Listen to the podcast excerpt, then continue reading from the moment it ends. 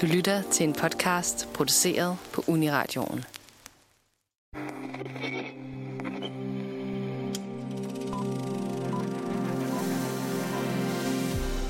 Rollespil bliver til virkelighed i et univers, hvor børn kan besejre overnaturlige monstre i fælles front. Deres transportmidler er cykler, kommunikationskanalen, en walkie-talkie og et baseballbat, deres foretrukne våben. 80'er-nostalgien lever i bedste velgående i Stranger Things, hvor både børn og monstre pakkes ind i pudelhår, neonlys og synthesizer. Selvom himlen bliver et brændende lavasår, når uhyggen er løs på de før så søvnige villaveje, så skal de unge helte nok klare den, selvom en lokal teenager må lade livet i svinget.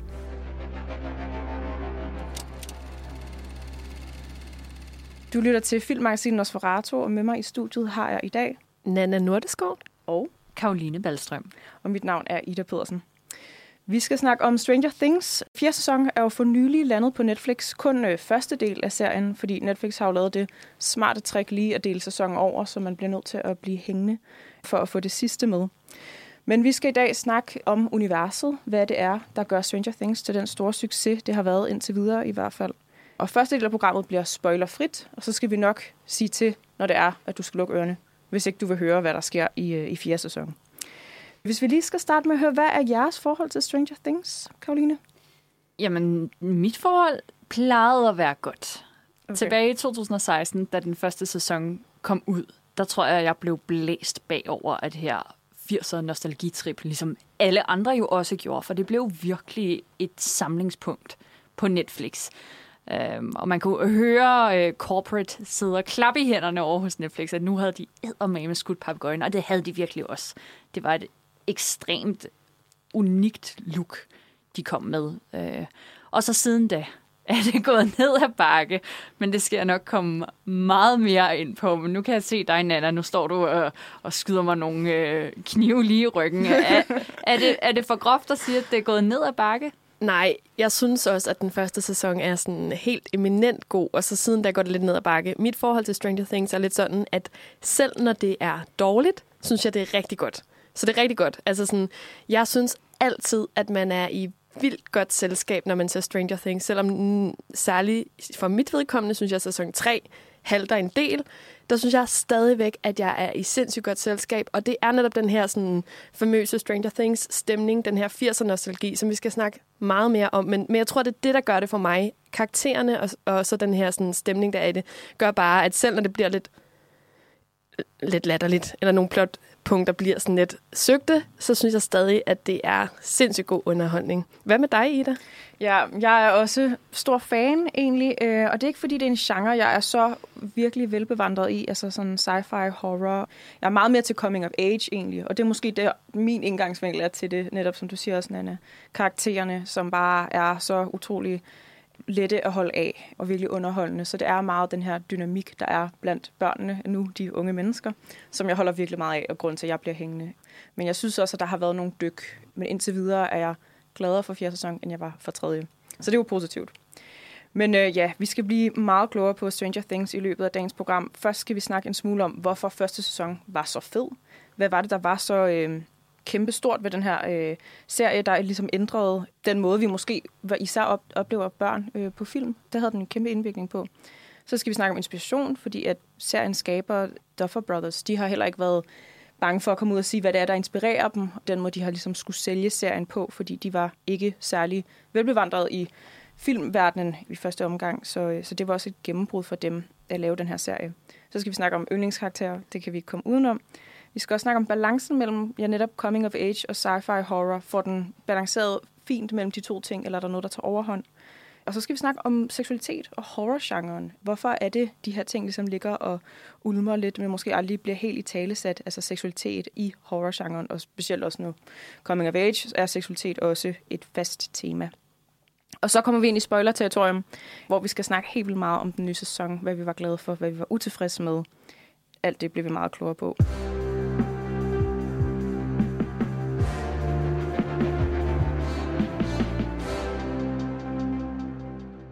Vi skal øh, til at kigge en smule på inspirationskilderne bag Stranger Things, fordi det er jo en, øh, en serie, som trækker rigtig meget på 80'erne, og også trækker, trækker rigtig meget på film, også fra, fra 80'erne, som vi allerede har snakket om. Et stort trækplaster for serien er jo, at den, øh, den har det her nostalgiske i sig.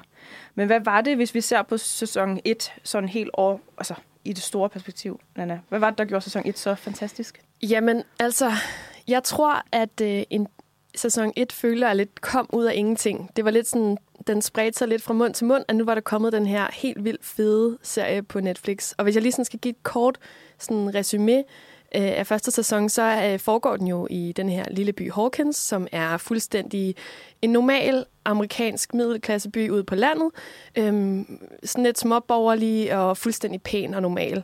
Men uden for byen ligger der det her laboratorium, hvor de laver nogle mærkelige eksperimenter på nogle børn med noget telekinese og nogle forskellige ting. Øhm, serien starter med, at vores fire hovedpersoner, som er Dustin, Mike, Will og Lucas, de spiller Dungeons and Dragons, altså sådan rollespil nede i Mikes kælder. Og på vejen hjem, der bliver øh, Will fanget af det her monster. Øh, vi ved ikke, hvad det er, men han forsvinder i hvert fald. Og samtidig med det, så bryder der en, øh, en lille pige som hedder Eleven, ud fra det her laboratorium. Og så starter det ligesom derfra, og så de her børn bliver involveret i jagten på at finde ud af, hvor der Will er forsvundet hen. Og i forbindelse med det finder de ud af, hvad det er, der sker i det her laboratorium. Så det er ligesom sådan en horror-mysterie, serie med de her børn som hovedpersoner, og så et meget stort persongalleri omkring det. Og jeg tror, at det, der jo, for, som jeg fik sagt lige i starten, er ultimativt det vigtigste at sige om Stranger Things, det er nok 80'er-stemningen. Det kan ikke siges nok. Altså, det er så detaljeret lige fra musikken til altså sættet, setdesign, altså den måde, de, og de, det teknologi, de har, de spil, de spiller, det tøj, de har på, det musik, de lytter til, det er simpelthen så gennemført. Øhm, og det er nemt at forelske sig i, og den her nostalgi efter 80'erne, synes jeg er lidt sjov, fordi jeg har faktisk selv ikke set så mange af de her 80'er-film, som den refererer til. Det er blandt andet sådan noget som E.T., og det er Goonies, Stand By Me er også en stor øh, inspirationskilde, øh, som den trækker på, både sådan handling og, og øh, stemningen og udseendet og sådan noget. Ida, vil du forklare lidt mere om det? Ja, altså jeg synes jo helt øh, centralt er sådan de her cykler. ja. at de cykler igennem de her øh, små byer, eller deres, øh, deres egen lille by, kommer rundt fra det ene hjem til det andet. Og det er jo den her fred, der er blandt børnene, som så bliver forstyrret af en form for konflikt, både udefra og indre konflikter. Mm. Altså at det er coming of age, de bliver ældre, de skal lære, hvem er jeg i forhold til mine venner. Nu har vi kunnet sidde nede i vores kælder og følt os trygge, men øh, vi, der kommer noget udefra, øh, som gør, at vi skal se på hinanden på en ny måde, og også skal ja, bekæmpe monstre, øh, helt bogstaveligt talt. Så der er jo konflikt på, på mange punkter. Men jeg synes også, noget af det fantastiske ved det, og nu bliver vi med at fremhæve, det er, det er trods alt børn, eller sådan, hvor, hvor galt kan det så også være? At det er sådan en dejlig øh, fejlindstilling, man har på en eller anden måde, fordi det, det var også det, jeg selv gik ind til, da jeg så Stranger Things første gang, at jeg er ikke særlig glad for horror, jeg tager det virkelig ikke pænt. Men det var jo trods alt børn, så hvor grumt kan det være, det de nu engang bliver udsat for?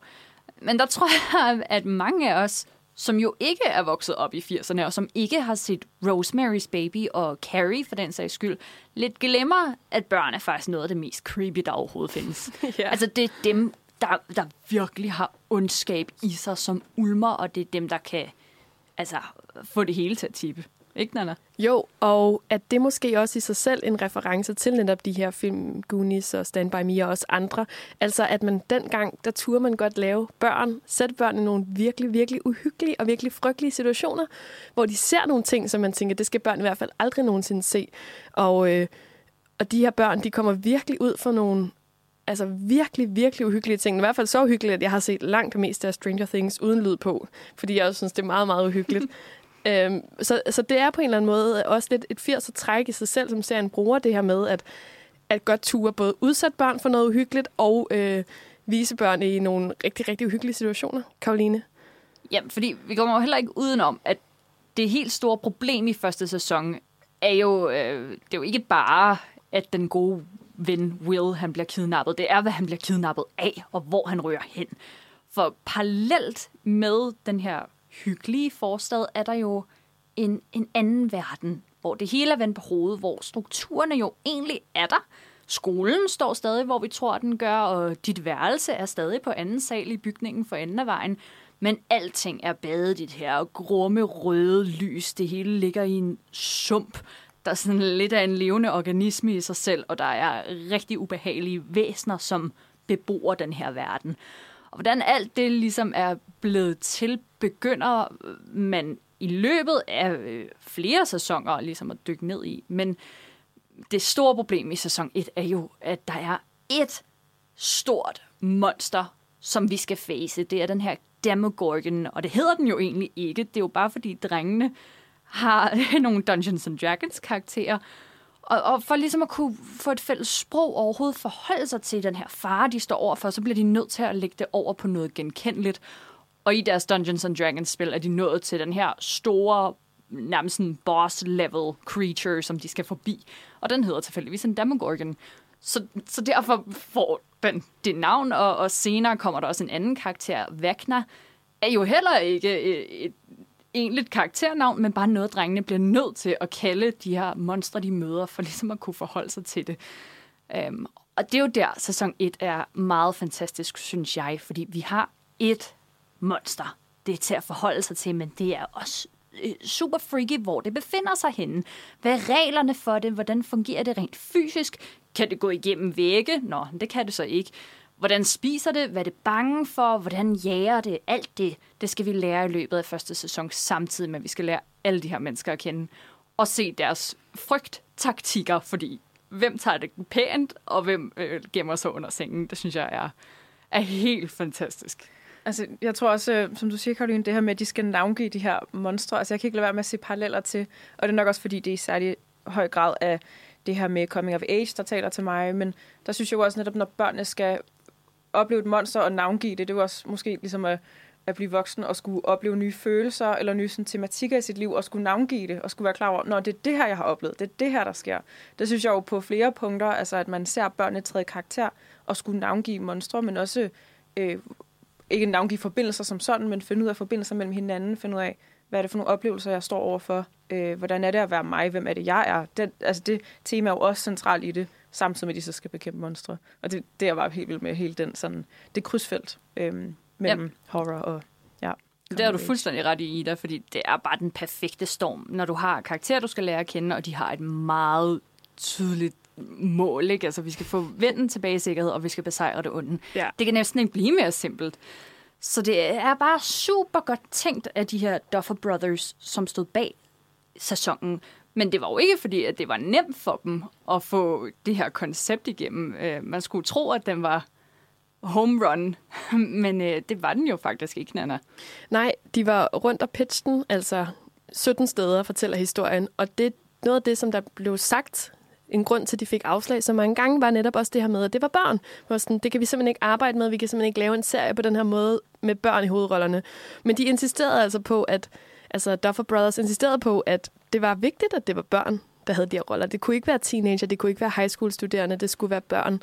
Øhm, og det er jo netop noget af det, der har gjort den her serie så fantastisk, at vi har de her helt fantastiske børn, som har den her udvikling, og vi får lov til at følge dem i nogle helt vildt sådan, formative år.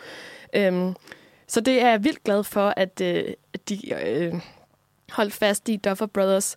Vi har et øh, klip, hvor vi lige skal høre, hvordan denne her øh, Demogorgon, den lyder, fordi den har jo sådan en rigtig fantastisk øh, monsterlyd, som man bliver nødt til lige at høre.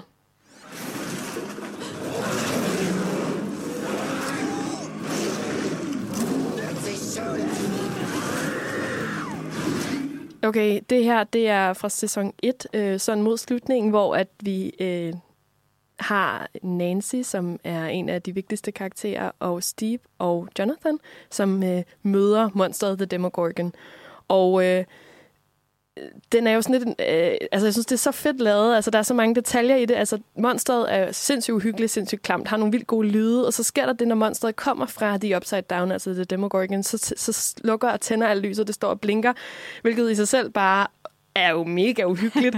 og sådan, øhm, der er altid sådan en stillhed for, før stormen, som man også lige hørte i klip, hvor der lige er lidt stille. Og så pludselig så kommer den, ikke? hvor man bare virkelig får lov til at mærke, øh, hvor uhyggeligt frygteligt det er. Øh, noget, jeg synes øh, er sindssygt fedt ved den måde, de bruger monstrene i Stranger Things, alle sæsonerne sådan set, men men særligt etteren, det er det her med jo, at netop, at de bruger deres viden for rollespil til at forstå, hvad de her monstre de er.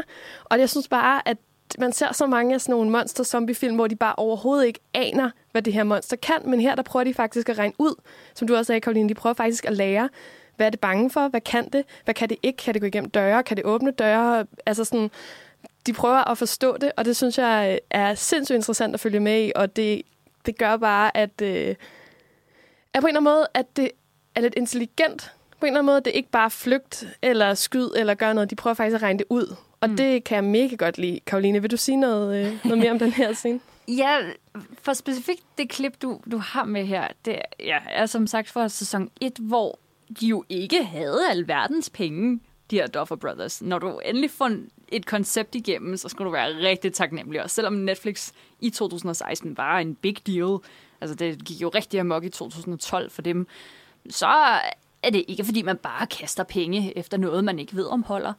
Øh, så hvad der også er meget kendetegnet for sæson 1 er, hvad jeg sætter enormt stor pris på, manglen på monstre. Fordi der var ikke vildt mange penge til at lave CGI-computereffekter over det hele, og bare have 100 af de her Demogorgons efter børnene. Så vi har et enkelt, og meget langt hen ad vejen bliver dens tilstedeværelse også bare eksemplificeret ved de her blinkende lys, eller øh, nogle lyde, eller noget, der knager, og noget af den stil. Ikke? En dør, der åbner en silhuet uden for vinduet. Sådan nogle der ting. Præcis. Og det kan jo lige så godt være en, en meget høj gut, der lige har et ekstra papmaché-hoved ovenpå sig. ja. Altså sådan, men meget praktiske effekter, og det gør det meget håndgribeligt. Altså sådan, du kan virkelig føle og mærke på det, også når de her børn har skulle spille op af noget, som jo ikke har fandtes, fordi det skulle først på bagefter med computereffekter, så kommer der bare rigtig meget godt ud af at have uprøvede skuespillere, der dog står over for noget semi-konkret og i gåsøjne virkeligt.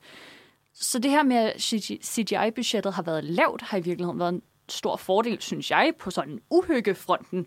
For det der manglen på noget, og det krybende i sådan, du åbner køleskabsdøren, og så ved du, at når du lukker den igen, så står den det sikkert. Men det kommer den ikke. Den står der nemlig ikke, for vi har ikke råd til den hele tiden, hver gang du lukker en dør.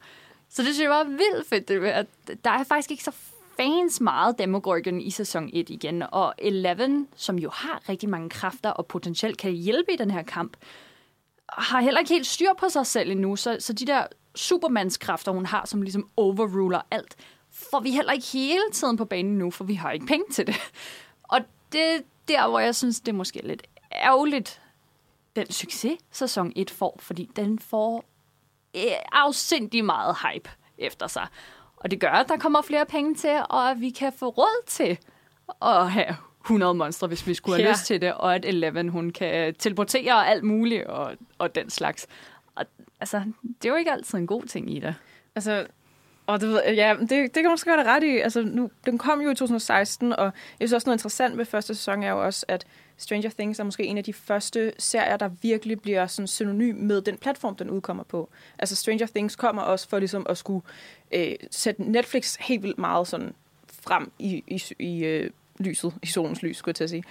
I, altså første sæson er også blevet ikonisk på mange måder. Jeg så for nylig en lille video af en, der lavede sådan et hus hvor hun genskabte, altså... Øh, hvad hedder hun, Winona Ryder, som er, spiller moren, prøver at kommunikere med Will igennem de her lys, som jeg så har nævnt, hvor at Will, hendes søn, der ligesom er et sted upside down, han er ikke i den almindelige verden længere, skal prøve at kommunikere med lys, hvor han er henne, hvor de så skriver med alfabet øh, op, altså et alfabet op på væggen, hænger en lyskæde, og så kan han ligesom skrive øh, A, B, C, altså sådan få skrevet noget ud på den måde. Mm. Og det, var, det blev så genskabt i sådan en lille bitte papmaché hjem, og det synes jeg bare, jeg, jeg skulle ikke, der stod ikke Stranger Things eller noget som helst, jeg kunne bare huske med det samme, sådan, åh, oh, den reference, det forstår mm. jeg, det gav mening. Altså, hver sæson har lidt sin øh, lyskæde-situation, fordi i første sæson, der er det jo netop, at øh, mens at Will kommunikerer gennem nogle lys, som øh, hans mor spillede af Winona Ryder, som sagt, hænger på væggen. Ikke? Så der er det på den måde, de kommunikerer. I anden sæson er der også et eller andet. I sæson 3 er der nogle magneter. Altså, der er hele tiden sådan et eller andet, sådan, øh, en måde at kommunikere, eller en, sådan, en forbindelse mellem op og ned, som sådan, de lige skal lure.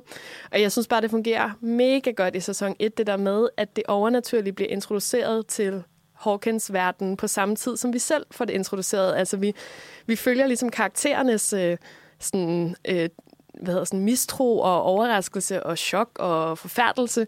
Men, men det der med, at de som sagt ikke er helt på bar bund, det er altså ikke første gang, de ser et monster, for de spiller rollespil, og der har de lært alt muligt fed trivia-viden om monstre. Så sådan, det synes jeg bare er... Øh, det synes jeg bare er sindssygt fedt.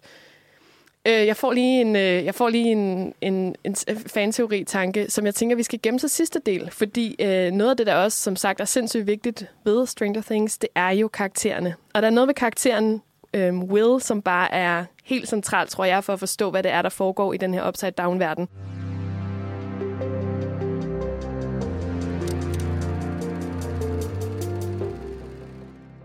Intet rigtig godt ungdomsdrama uden gode ungdommen til at fylde det ud med. der er jo ikke nogen Stranger Things, hvis vi ikke har blandt andet Eleven. Den der lille musede pige, der gennem sæsonerne udvikler sig til at blive en, øh, en halvvoksen kvinde, der skal til at navigere i verden. Og vi har jo heller ingen sur, indelukket politimand, uden at hans hjerte med tiden skal blive smeltet, og han skal vise sig som en rigtig familiefar, der jo i virkeligheden går rigtig meget op i, om du kommer hjem til tiden om aftenen, eller ej.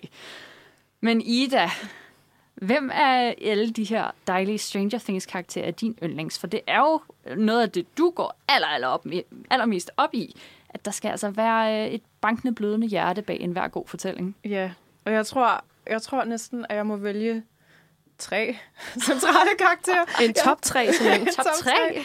Ej, ej, jeg har næsten også svært ved at rangere dem.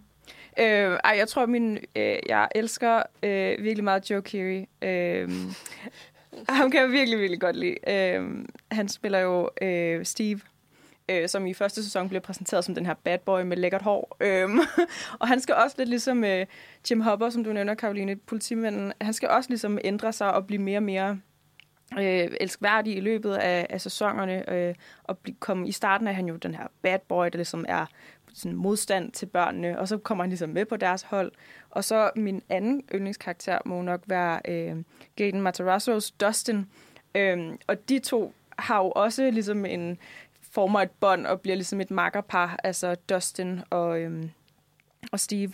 Øhm, og han, han er også helt vild med, især fordi han er også er den karakter, han er, sådan, han er lidt sådan mastermind bag nogle af deres mere sådan tekniske ting. Øhm, Udover at han er virkelig sjov og bare sådan siger tingene lige ud af posen -agtigt. Så øh, har han også en, en klogskab og en sådan... Øh, en handlekraftighed i sig. Øhm, det er tit ham, der sådan også forklarer og laver de her sådan logiske, sådan, Nå, men så skete der det her, og det betyder jo sådan der, og det var jo fordi, at... Og, ja, det, det, jeg synes, han er genial til at lave de her mere sådan forklarende øh, elementer. Og så min tredje må nok være Nancy, fordi jeg synes, hun er øh, så dejlig. Jeg synes også, hun har igen også den her sådan handlekraftighed i sig.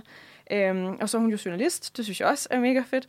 Øhm, og hun, hun giver også ligesom, jeg synes både hende og, øh, og Dustin, faktisk selvom Dustin er meget den her Joker-karakter, synes jeg begge to, de giver noget tyngde til castet. Altså de virker begge to sådan ret, øh, måske hende især sådan modne og sådan velovervejet, og de har, de har nogle mere sådan operationelle øh, funktioner i hele plotfortællingen, og det kan jeg godt lide. De driver det fremad. Der er noget handlekraftighed. Hvad, hvad med dig, Anna? Hvad jamen, med din yndlings? Jamen, jeg fik bare lige lyst til at dvæle lidt ved Steven, fordi jeg synes, øh, at han er sådan en fed karakter. Jeg synes, hans øh, sådan, udvikling er så mega fed. Altså, som du siger, så starter han jo i første sæson med at være Nancys sådan øh, fløt, eller sådan måske kæresteagtig, øh, og en af de smarte, ikke? Og et stort tema i hele Stranger Things, det er jo det her med at være den, man er, hvis man er en nørd, og så nyde det, og at det er okay at være den, som man er. Ikke? Og det må man i hvert fald sige, at Steven han også ligesom lærer fra at gå fra at være den her smarte sådan basketballfyr, der måske presser Nancy lidt, eller sådan i hvert fald ikke er en super god kæreste, til at være Dustins bedste ven, og de bare går og hygger sig sindssygt meget. Og øh, det er sådan en stående joke, som der også bliver refereret rigtig meget til i serien, at, øh, at øh, Steven, øh, hvad hedder han, Steve hedder han, at Steve er ligesom øh, deres sådan, barnepige. Ja. Han er sådan moderen, altså mens alle de andre teenager, de løber rundt og laver alle mulige ting, så passer Steve, han passer på børnene. Og jeg synes, at vi skal høre et klip, hvor man ligesom kan høre den her sådan, øh, øh, hvad hedder sådan, øh, gode sådan pingpong-dynamik, der er mellem Steve og Dustin. Henderson. Henderson, he's back, he's back. You got the job. You got the job. Yay! Oh.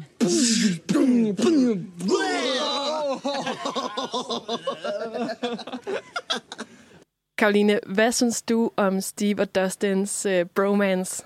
Jamen, den er jo ret fantastisk, også fordi det er jo en, der umiddelbart kommer ud af ingenting, fordi Steve er jo virkelig, virkelig cool.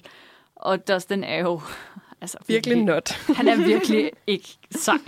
Men det fantastiske, som jo også sker i virkelighedens verden, når du går på sommerferie, så går der lige to måneder, før du ser dine venner igen, og lige pludselig er ham der, den lille i din klasse, han er blevet altså 180 meter høj og, og har fået skæg og alt sådan noget. Og det samme er jo lidt sket med Dustin og Steve, der bare over sommeren, fra den ene sæson til den anden, pludselig har fået det her øh, enormt forstående venskab til hinanden, fordi de virkelig kan, altså også helt fysisk se ting fra et andet perspektiv.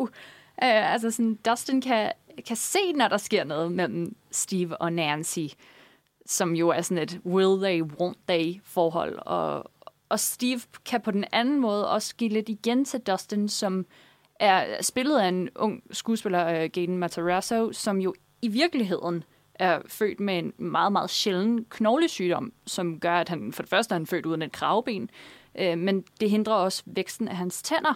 Så faktisk har han falske tænder hele vejen igennem, og det er noget, som øh, Duffer Brothers har skrevet ind i Dustins karakter som jo så altid har været sådan lidt en, en særling, eller han er jo i hvert fald bare anderledes. Han har jo en form for handicap, som godt nok ikke er så synlig igen, men han læser bare enormt meget.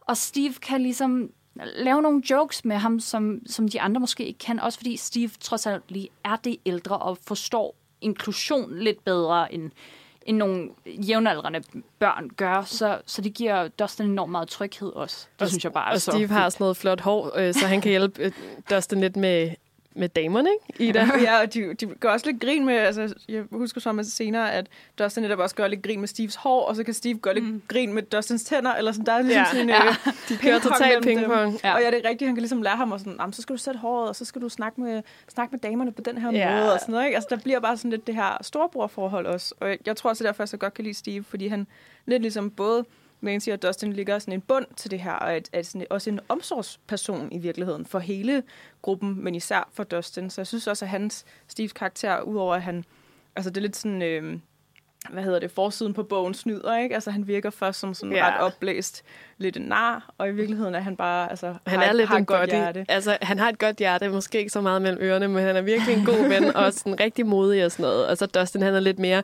måske ikke så fysisk sådan stærk og alt det her, men han er totalt, øh, han er så charmerende. Altså, jeg synes simpelthen, den skuespiller, han kan bare, han er så charmerende, han er så komisk, så sådan, han, han kan virkelig noget andet, og så er Dustin-karakteren jo mega klog.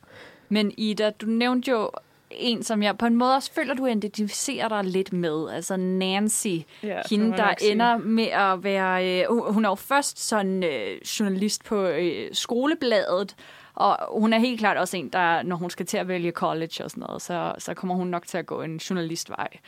Ligesom vores helt egen Ida Pedersen.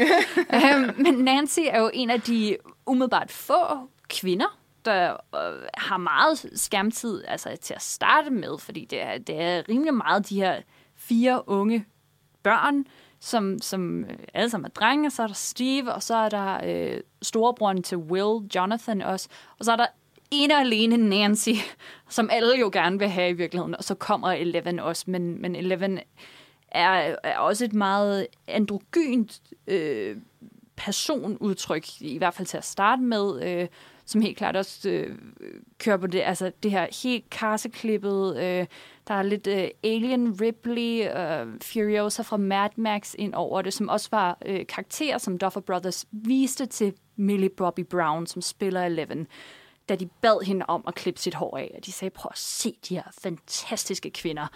Man, man kan sagtens altså, være sej og være smuk, selvom man ikke har noget hår.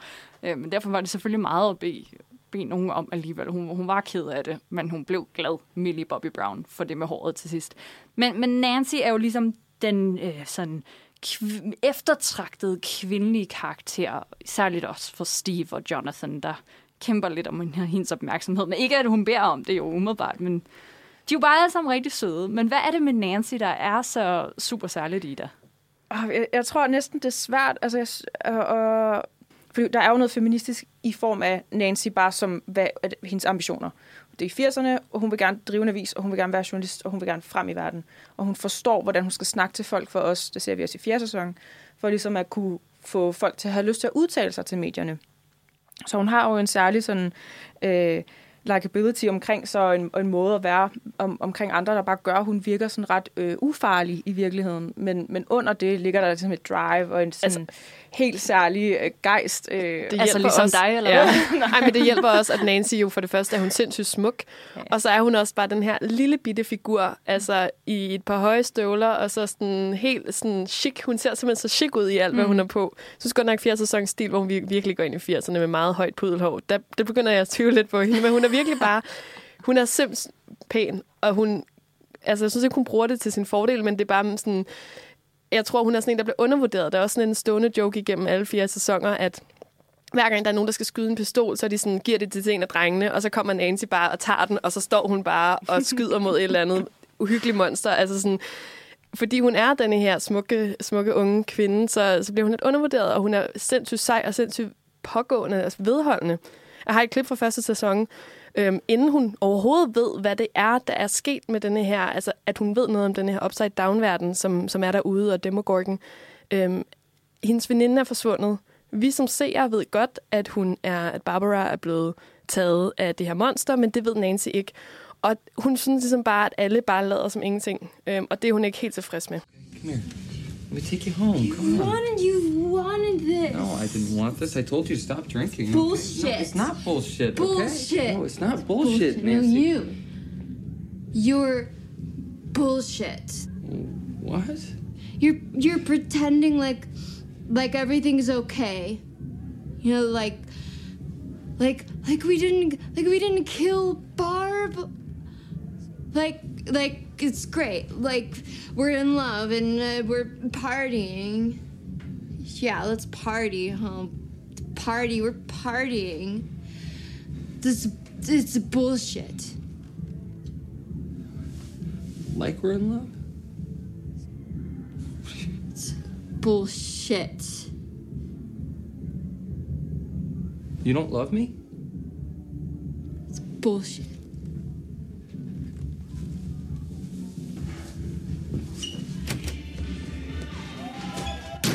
Her er øh, Nancy og Steve, de er til fest. Barbara er forsvundet, og Nancy kan bare ikke holde ud, at alle bare lader som ingenting. Hun synes, det er bullshit. Og jeg synes bare, det allerede her, selvom hun ikke aner noget om, hvad der er sket, Barbara kunne bare være stukket af, så hun bare hun insisterer bare på, at der må være noget her, der er noget, der ikke er rigtigt, og jeg vil finde ud af, hvad det er. Hun, og scenen her foregår også ude på badeværelset, og man kan også høre på hendes stemme, hun er ligesom beruset, og hun har mascaraen løbende ned ad øjnene. Og Øhm, brækker sig lidt ud over, eller tabt Ja. en drink ud over sin hvide der, er trøje. sådan, og sådan. der er et eller andet enormt sårbart ved det her, samtidig med, at hun bare stadig står fast, mand. Altså, Altså- der, er- hun er bare, jeg tror måske, hun er sådan ret godt eksempel på sådan en karakter med ben i næsen, som man vil Hmm. sige. Altså sådan, der er sgu noget øh, substans der omkring hende. Og hun er, i insisterer. hvert, hun er i hvert fald bare en bedre ven, end jeg er, fordi hvis klokken var halv fire, og byens lækreste sådan, fodboldstjerne stod foran mig og sagde, hey, skal vi ikke lige... Og Nana, du så manglede, så tror jeg bare, jeg vil sige, Ved hvad? jo, men altså, øh, så... Hun klarer sig nok til i morgen. Skal vi lige... Vi kan lige trække lidt. Ej, men det var så frygteligt. Det, jeg tænker, Karoline, at det er noget, vi skal snakke mere om senere. Det her med seksualitet og horror, hvordan det passer sammen. Mm. Fordi mens Barbara bliver taget af monsteret, der er det jo, at Nancy og Steve, de knaller for første gang. Så der er jo, altså hun har vildt dårlig samvittighed, Nancy. Øhm, så, øh, over, at hun lige, lige kom til at have lidt delt opmærksomhed der. Ja, men altså... Men det, hvad, jeg vil og man sige, kan jeg, ikke øh, øh, bebrejde hende. Jeg blamer hende ikke umiddelbart, men du har helt sikkert ret i noget med noget horror og noget uskyld, der ryger helt ud af vinduet, og så går det ellers bare amok. Men meget mere om det senere.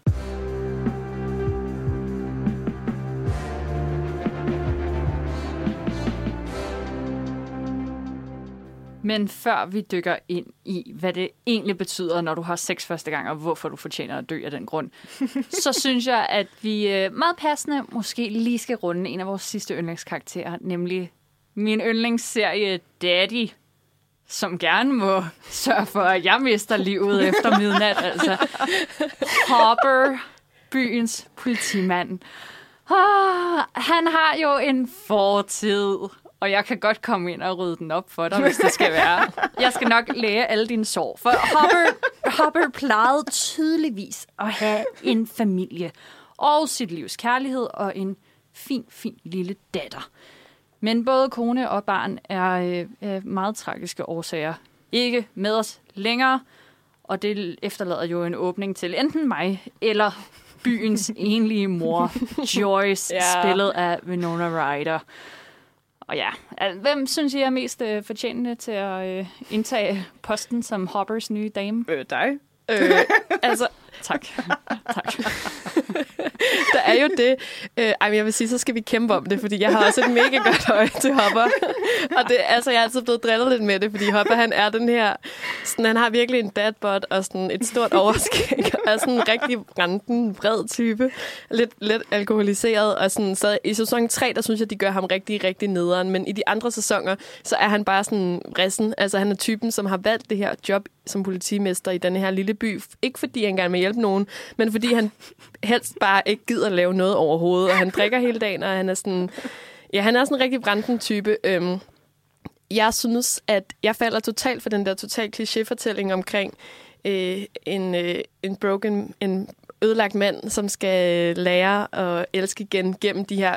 Han bliver konfronteret med de her... Han bliver ligesom viklet ind i de her mysterier, og han bliver viklet ind i Elevens skæbne og alt det her, og gennem det, der åbner han sig jo og vokser igen. Og den romance, som han har haft med Joyce, da de, dengang de gik på high school, den bliver ligesom sat i gang. Og Joyce er jo så som sagt Will og Jonathans mor, spillet af Winona Ryder. Og øh, jeg tror, at Winona Ryders karakter, eller den måde, hun spiller hende på, er en af dem, der deler Stranger Things fans mest.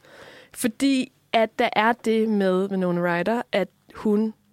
Jeg ved ikke, om man kan sige, at hun overspiller.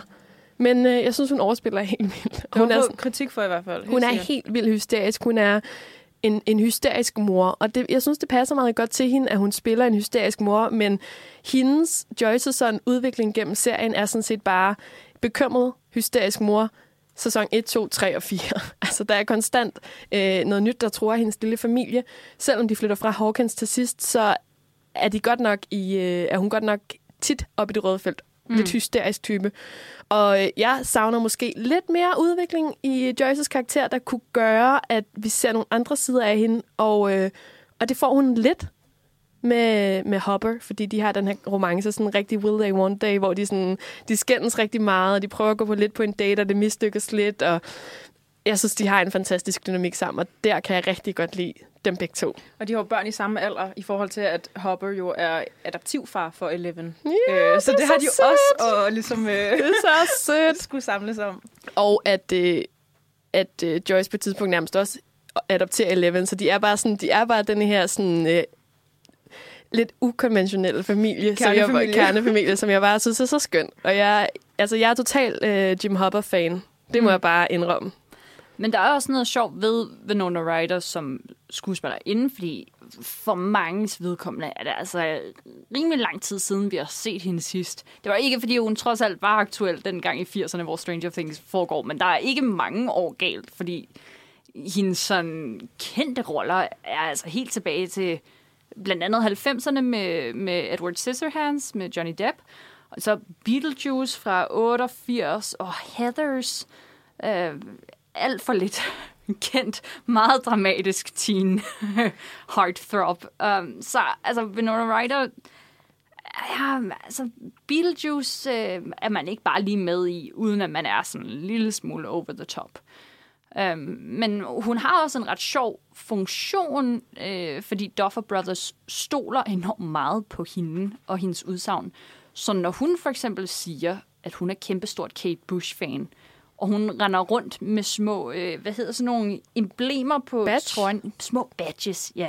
Når hun har været til øh, manuskriptlæsninger bare gennem tiden, altså på hver anden sæson. Øh, når hun har sådan en badge på, hvor der står, jeg elsker Kate Bush, så lytter de altså til hende.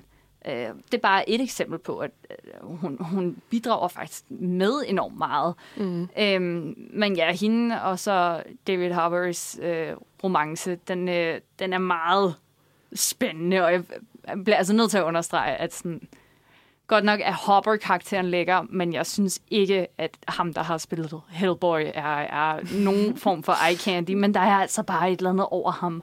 Og noget, noget knækket, og Og ja, det der... Altså, ja, David, præcis. David Harbour, ikke? Jo. Noget, ja. Altså, øhm, ja, det, jeg er så meget enig. Jeg synes, øh, jeg synes, det kan noget, og selvom det jo er verdens ældste historie med sådan en, en lidt sådan ødelagt mand, der skal finde troen på livet igen, så, så synes jeg bare, det, det fungerer enormt godt. Øhm, men, men også når vi tænker på Winona Ryder, hun er jo et navn, men da serien starter, er hun så ikke ligesom det eneste sådan stjernenavn, de Jo. har med?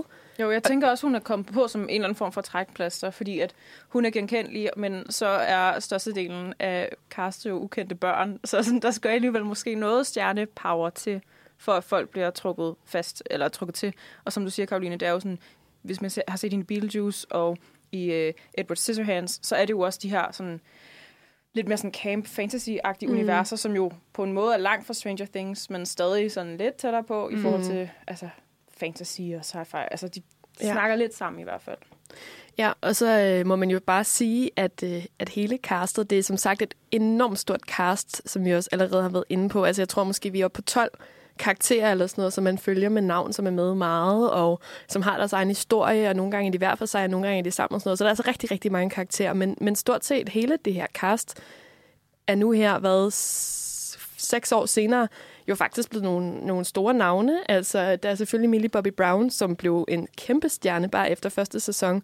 Så David Harbour, han har også skabt sig selv en karriere med i mange ting. Øhm, så sådan stort set hele vejen rundt har castet altså virkelig taget den her øh, succes, der er kommet med Stranger Things videre, selvom de var ret ukendte til at starte med.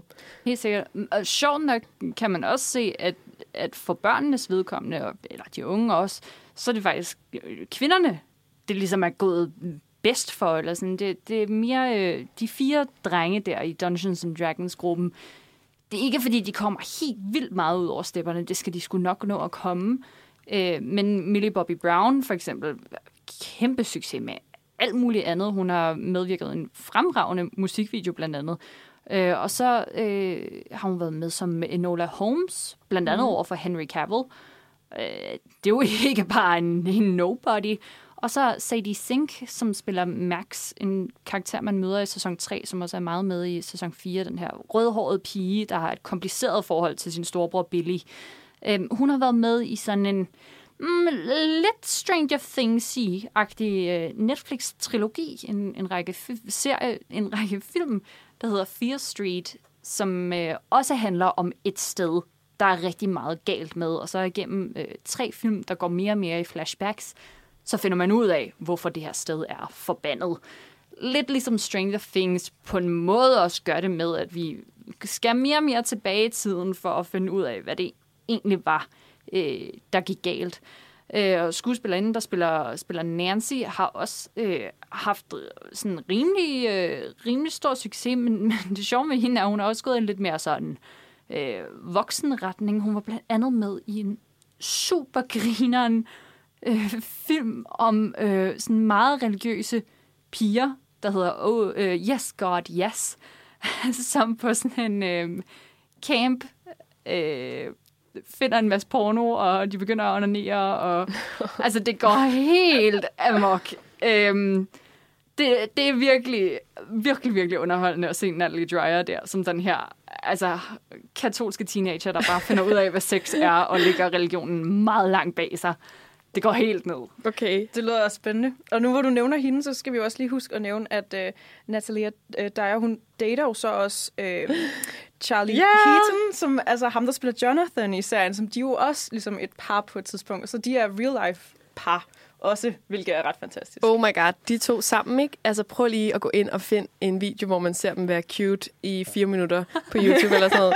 Altså det er, de er virkelig goals, synes jeg, fordi de bare begge to er sådan ret quirky, off-screen, har en sindssygt god kemi, og sådan er, ser bare super seje, er virkelig stylede begge to, altså virkelig, virkelig cool. Øhm, cool, smukke, unge, kreative, kunstneriske mennesker, som bare ser skide godt ud. Altså sådan, de giver mig total øh, liv. Jeg synes, de er så søde. De, jeg synes, at de er godt... Der er sådan også noget måske uh, Winona Ryder-agtig vibe over Natalia Dyer. Altså Ja. på en eller anden måde. Mm. Altså sådan, jeg Det synes, der, de hun er meget petit også, ikke? Ja. Ligesom øh, Winona Ryder, og så det der, sådan, de der store øjne. Ja. Og sådan, Altså Ja. den der sådan, styrke, som de begge to har, ikke? Selvom de er sådan, ja, de er de her øh, flotte, små kvinder, og så er de bare sindssygt seje, sparker bare røv. Altså virkelig meget. Og så synes jeg også bare, at Charlie Heatons karakter, øh, Jonathan, synes det også er en god øh, tilføjelse til serien. Han er sådan den kunstneriske øh, storebror-type. Ja, den lidt stille. Lidt stille. type, Ja. Men altså, Nana og Ida, nu føler jeg nærmest, at vi er ved at gå for meget rundt om den søde grød her, ikke? Fordi I er bare et lille bitte step væk fra at sige et dejligt horror-udtryk, nemlig Final Girl. Så altså, jeg synes simpelthen, at vi skal til at springe ud i, øh, hvad det nu er med de der horror-troper og sexen og alle de der monstre, der er efter dig, og hvorfor det er så fans vigtigt, at det lige præcis er en kvinde, der sparker røv til allersidst.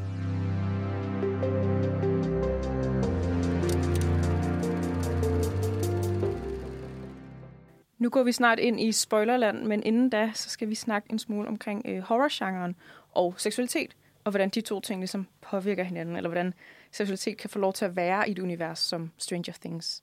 Men Karoline, hvordan, øh, det var et stort tema. Hvordan hænger de to ting sammen? Hvorfor er det, vi er så obsessed med sex, når det kommer til horrorfilm? Sex og horror. Hvorfor er det, vi elsker det sådan? Sex og horror? Jamen, det er faktisk, fordi det hænger enormt meget sammen. Øh, altså, når vi, når vi ser film, så øh, forestiller vores hjerne sig meget langt hen ad vejen, det faktisk er rigtigt, det vi ser. Og nogen, for eksempel jeg, er meget værre end andre til lige at slå den der lille øh, fine sluse ned og sige, det der fiktion, det foregår inde i en skærm. Det har ikke noget med virkeligheden at gøre. Øh, men det kommer alt sammen lidt an på, hvor stærkt ens øh, sådan flow er. Der er noget, der specifikt hedder Pigma Flow, som er, hvordan vi tager imod øh, fiktiv information. Så det vil altså sige, at der er nogen, der har mere tendens til at leve sig ind i film Fuldstændig. end andre. Men det er også noget, der kan trænes op. Altså, du kan forstærke dit PECMA flow, som er, står for Perception, Emotion, Cognitive, Motor Action.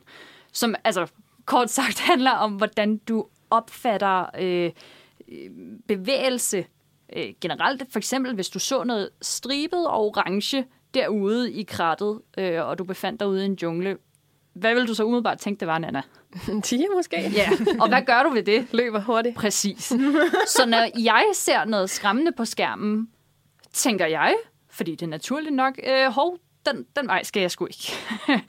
øh, og der er mange af de her signaler, som vi får, når vi ser horrorfilm, som faktisk er identiske til, når vi har sex. Øh, og der er en, øh, en særlig forsker, øh, en Dr. Holly Richmond, som har en Ph.D. i somatisk psykologi og er certificeret sexterapeut. Hun har studeret meget i, hvordan faktisk, når vi bliver bange, har vi meget få øh, signaler, vi ligesom kan sende til os selv. Altså det med, at vores blod begynder at rulle, og adrenalinniveauerne stiger og sådan noget. Og lyder det lidt ligesom, når man har sin første gang sammen med en eller anden, som man er mega nervøs for at være sammen med? Ja, det gør det faktisk. Så forskellen på, hvordan vores krop har det, når den er bange, og når den er super liderlig, er faktisk ret lille. Øh, så det med at koble sex og skræk sammen er en ret åbenlys ting. Altså, det ligger lige til højre benet, fordi øh, ja, man, man kan ikke rigtig kigge forskel, altså sådan rent fysisk. Så det der med at sige, at man skal sætte en scary film på, når man skal på date første gang, Altså, det er på en måde lidt, lidt snyd, og det er sådan lidt gaslighting, fordi øh, Ja. din partner kan reelt ikke gøre for, om vedkommende bliver super horny eller ej, fordi vedkommende har måske et stærkt pegmaflow.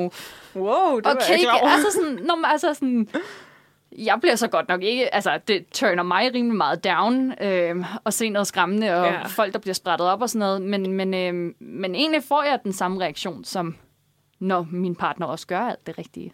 Det er ret freaky, ikke? Det er da totalt freaky. Mega skørt. Og hvordan, altså Karoline, hvordan bruger man det så i film? Eller sådan, hvad, hvordan ser det så ud i film, det her med, at sex og død, det hænger så meget sammen? Ja, altså om det så er en misforståelse eller ej, om der er alt muligt underbevidst, og at øh, der er en masse misogoni indover og sådan noget. Det, det er en hel ting for sig, men generelt gennem historien har man jo set meget med, at, øh, at det der med at være, være ren, det kan du også nærmest se tilbage fra dine ridderhistorier. Altså den rene, gode ridder skal ind og øh, dræbe dragen til sidst. Og det er det der med at have et, godt, øh, rent hjerte ja. Og sådan noget. Også øh, når du skal til dødsride, så skal du være så let som en fjer og den slags. Du skal, du skal være god og ren hele vejen. Og der er jo noget med at vokse op og blive korrumperet. Øhm, og hvad værre er der, end at have sex og elske noget kødeligt? Altså, det er jo det er den direkte vej til helvede. ikke? Til helvede. så, så generelt øh, har der været noget særligt med slasherfilm, som altså de her 70'er, 80'er øh, ting. Øh, Friday the 13th blandt andet. Har vi jo en, en decideret karakter, Jason, som går efter folk, altså straffer folk, der har sex. Fordi det er urent. Det er ikke, det er ikke godt. Det hører ikke til her. Øhm, og jeg vil måske også gå så langt som til at sige, at Michael Myers øh, i Halloween har den her mærkelige incest-fantasi om sin søster, som også straffes for den.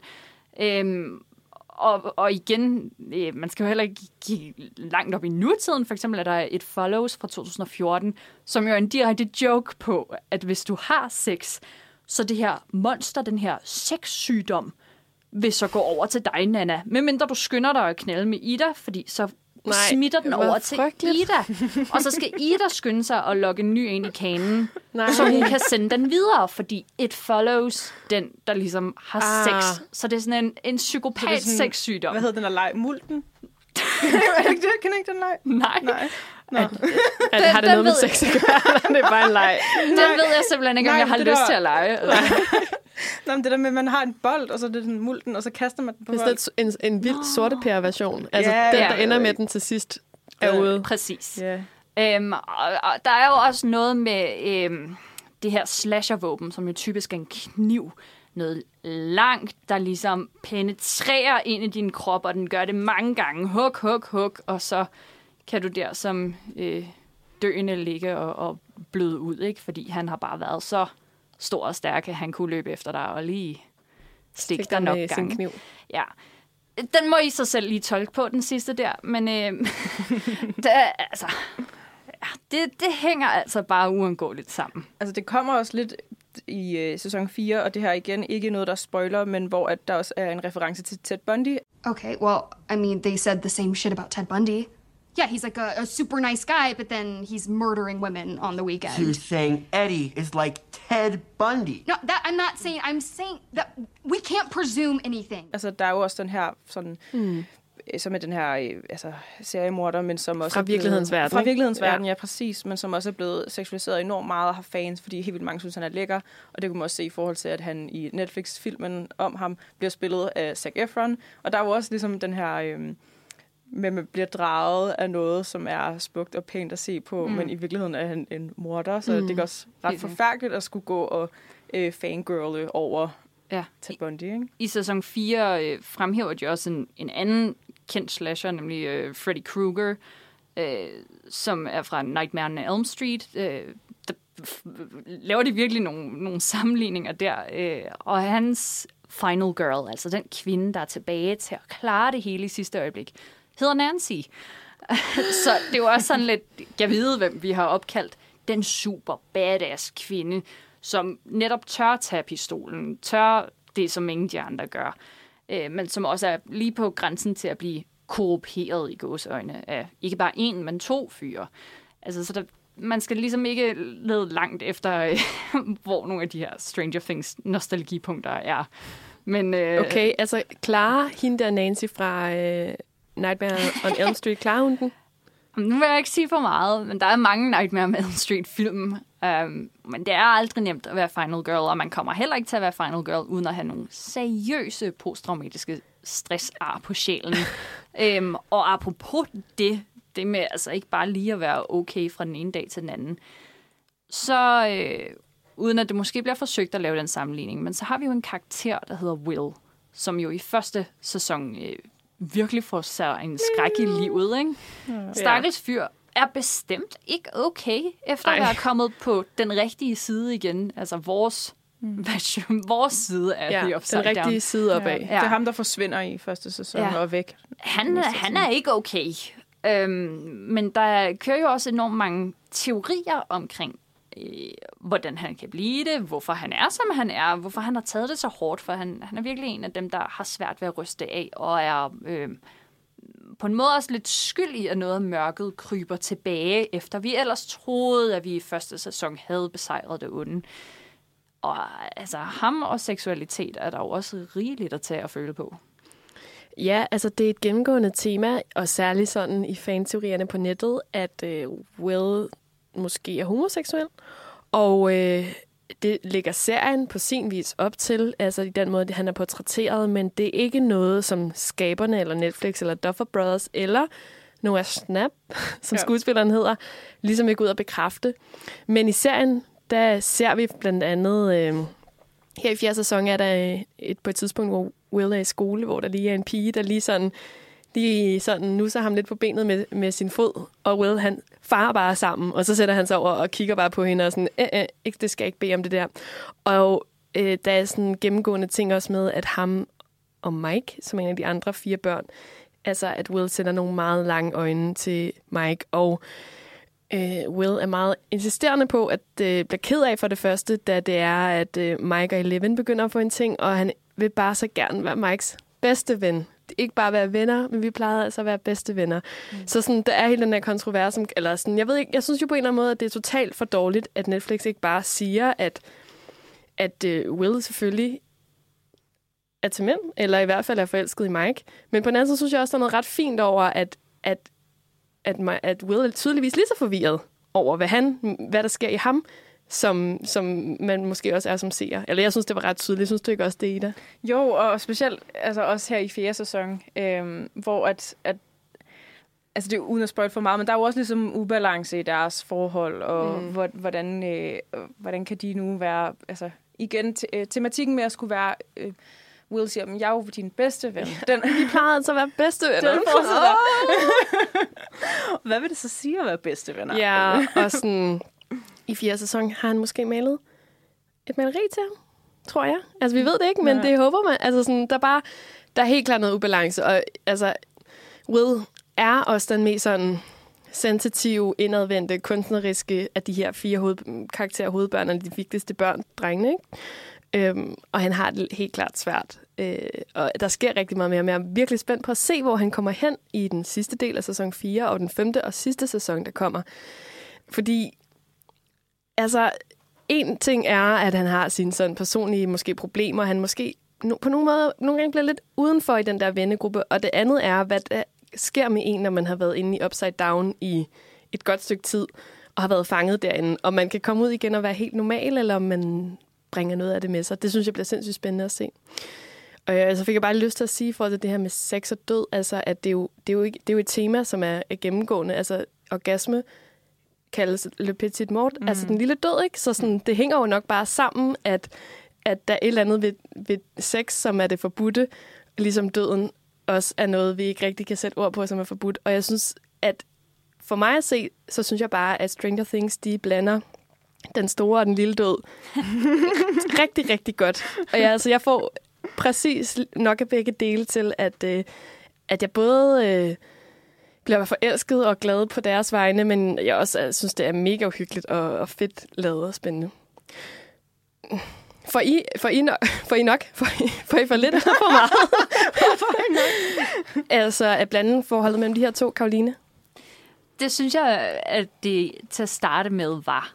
Men som vi også nok uh, uundgåeligt kommer ind i lige om lidt, så bliver vi jo nødt til at tage hul på fjerde og næst sidste sæson. Um, og der synes jeg måske, at blandingsforholdet, det, det tipper lige lovlig meget over til den ene side, og ikke så meget den øh, raffinerede, øh, intelligente side, som jeg virkelig synes, at sæson 1 var meget præg af. Og jeg synes faktisk bare, det er desværre nok blevet en mere og mere udvandet version af sig selv. Og jeg ved godt, at Duffer Brothers hele tiden har sagt, at de havde et stort vision for Stranger Things-konceptet fra dag 1. De vidste, at de skulle bruge fire sæsoner, men da de så gik i gang med fjerde sæson, så fandt de ud af, at vi har nok brug for fem. Og det synes jeg desværre godt, man kan mærke. Og jeg, og jeg altså... Altså, nu... er det dem eller Netflix, der havde brug for det? Kunne man sige. det er jo et godt spørgsmål. Um, det... Der er også noget interessant i, at det jo heller ikke var meningen, at vi skulle vente godt tre år på at få fjerde sæson. Sæson 3 udkom i 2019, men så var der lige en lille sygdomsting, der kom i vejen.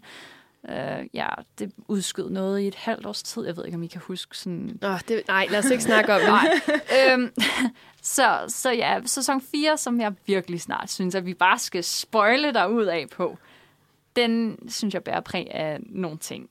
Så øh, Man kan måske godt få fornemmelsen af, altså den her, en, en tube, hvor man trykker for at få sådan det sidste ud, ikke? Jo. Det sidste skud af tuben. Det er måske lidt den fornemmelse. Øhm, ikke nødvendigvis med specifikt den her første del af fjerde sæson, men bare sådan er det jo tit, hvis man siger øh, fra produktionsside af, at vi har fire sæsoner, og så hov, nå, nå, det blev til fem, nå, Ja. øh, det blev til ti, eller Mm. ikke at det, sådan, det kommer til at gå med Stranger Things, men bare, at der er hele tiden den her med at have mere øh, agtig øh, ideologi bagved det. Øhm, men nu snakker vi lidt omkring balancen mellem sådan horror og seksualitet, men jeg synes jo også balancen mellem coming of age og sådan, altså igen også mm. horror eller sådan sci-fi, hvordan den balance er. Og der synes jeg bare, at Stranger Things fra dag et har virkelig mestret den der balance. Mm. Altså med, at man både har de store personlige sådan, tragedier og traumer øh, øh, i serien og, og beskrevet løbende, samtidig med, at universet også ligesom vokser sig større og bliver mere og mere uhyggeligt. Øhm, men, men jeg synes måske, at der kommer en overvægt af, at den uhygge, der kommer i de sidste par sæsoner, den bliver ikke lige så uhyggelig, som det var første gang. Nej. Fordi man er ligesom blevet lidt mere vendet til, nå ja, det er, sådan, det er den her form for horror, der er i universet. Ja. Så ved man lidt, hvad man skal forvente. Og det er hernede, det er. Vi ved, de holder til cirka der, eller der sker nogenlunde. Mm. Altså, man, ja, man er lidt mere bekendt med det hele. Ja. Men lad os da bare simpelthen øh, kaste os ud i den fjerde sæson.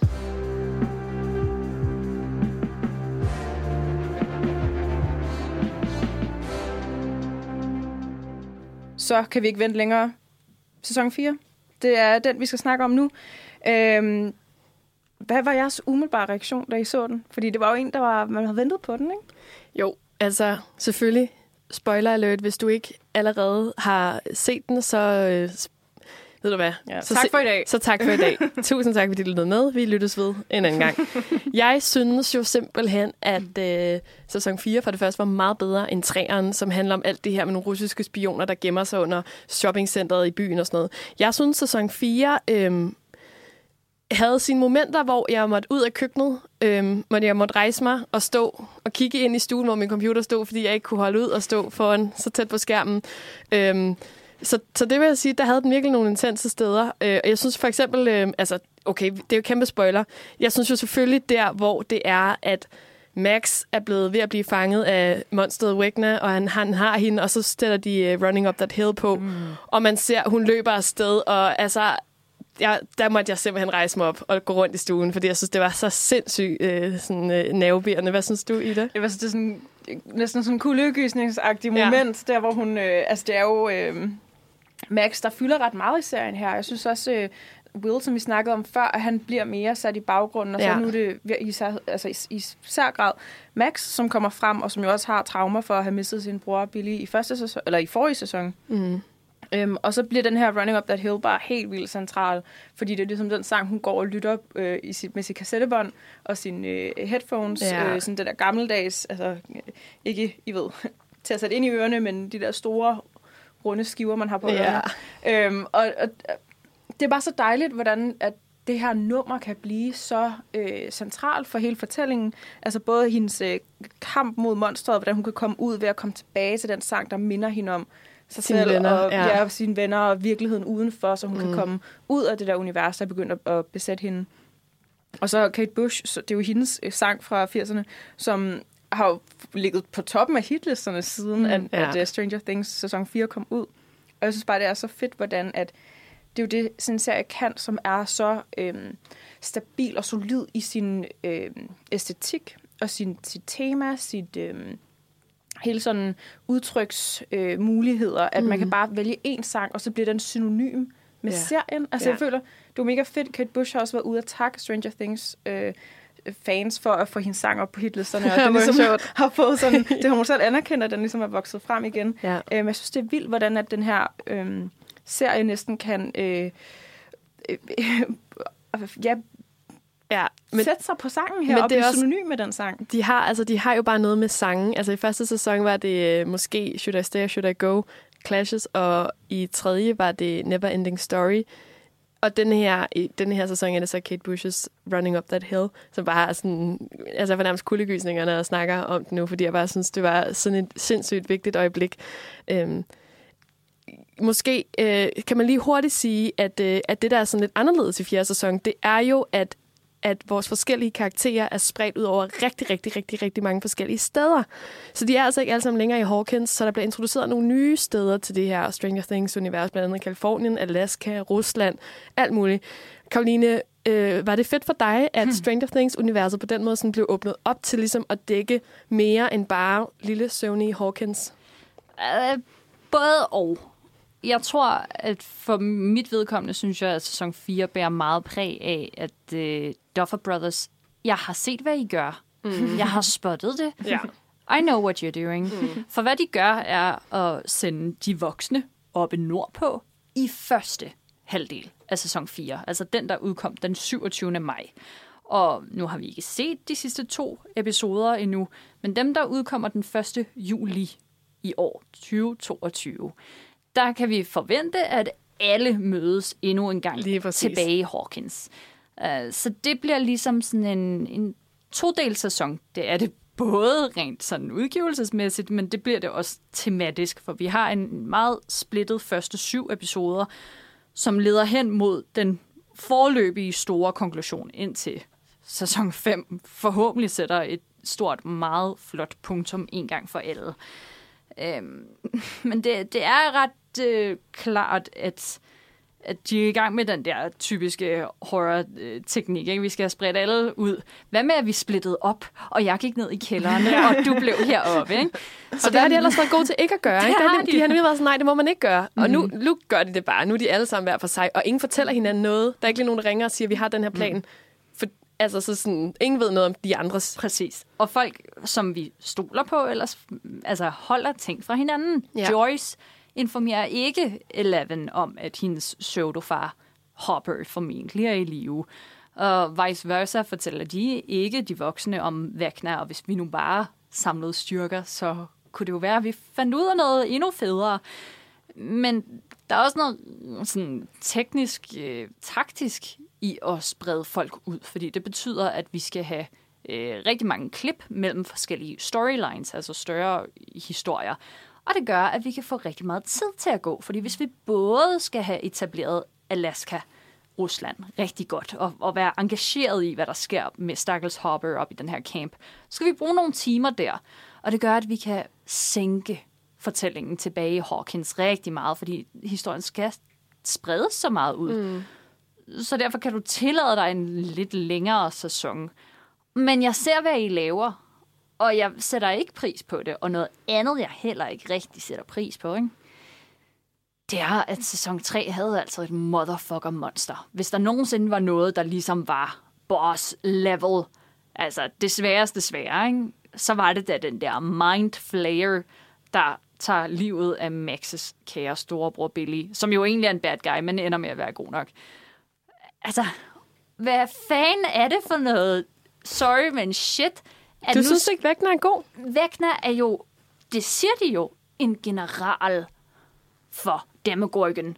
Og Demogorgon klarede de i sidste sæson, så Ja. hvad fanden kan problemet være med at tage en af hans sådan små øh, altså, Hans general. generaler ud? Hvad, hvad er problemet? Ja, ja, det kan godt være, at han har en grim fortid og sådan noget, ikke? Jo, altså det, Men- det synes jeg var et af problemerne, fordi der er jo tit det her med i sådan nogle fantasy- eller sci-fi-universer, du ved, jo mere man finder ud af universet, jo mere det bliver forklaret, jo mindre spændende bliver det egentlig.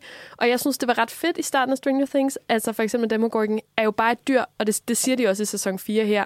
Den er bare et dyr, og inde i den her verden, der, altså det er lidt svært at sige, der er ikke nødvendigvis nogen grund til det, der er ikke nogen årsag til, at tingene er, som de er, men nu får vi ligesom forklaret, at der er en grund til, at de Upside Down er, som den er. Der er en grund til, at Vægner går efter de her præcise ofre. Der er en grund til, at, den, at Vægner opfører sig sådan. Og det bliver mere sådan horror, gyser, øh, overnaturligt, end det bliver sådan en videnskabelig verden, som der tilfældigt, eller en, sådan, en reel mm. verden, der er upside down, som vores venner er kommet til at sparke hul døren ind til, og så pludselig så skal de finde ud af, hvordan de får de her monstre ud af deres verden. Og jeg synes på en eller anden måde, at forklare, jo mere det bliver forklaret, der er et plot twist til sidst, med hvem den her vægner er. Og jeg synes på en eller anden måde, selvom jeg synes, det var at jeg, var, at jeg synes, det var uhyggeligt og spændende, så synes jeg jo mere, at de forklarer, og jeg kan bare fornemme, at vi skal have meget mere forklaring om, hvordan Eleven hænger sammen med Vægna, og hvordan det hele hænger sammen.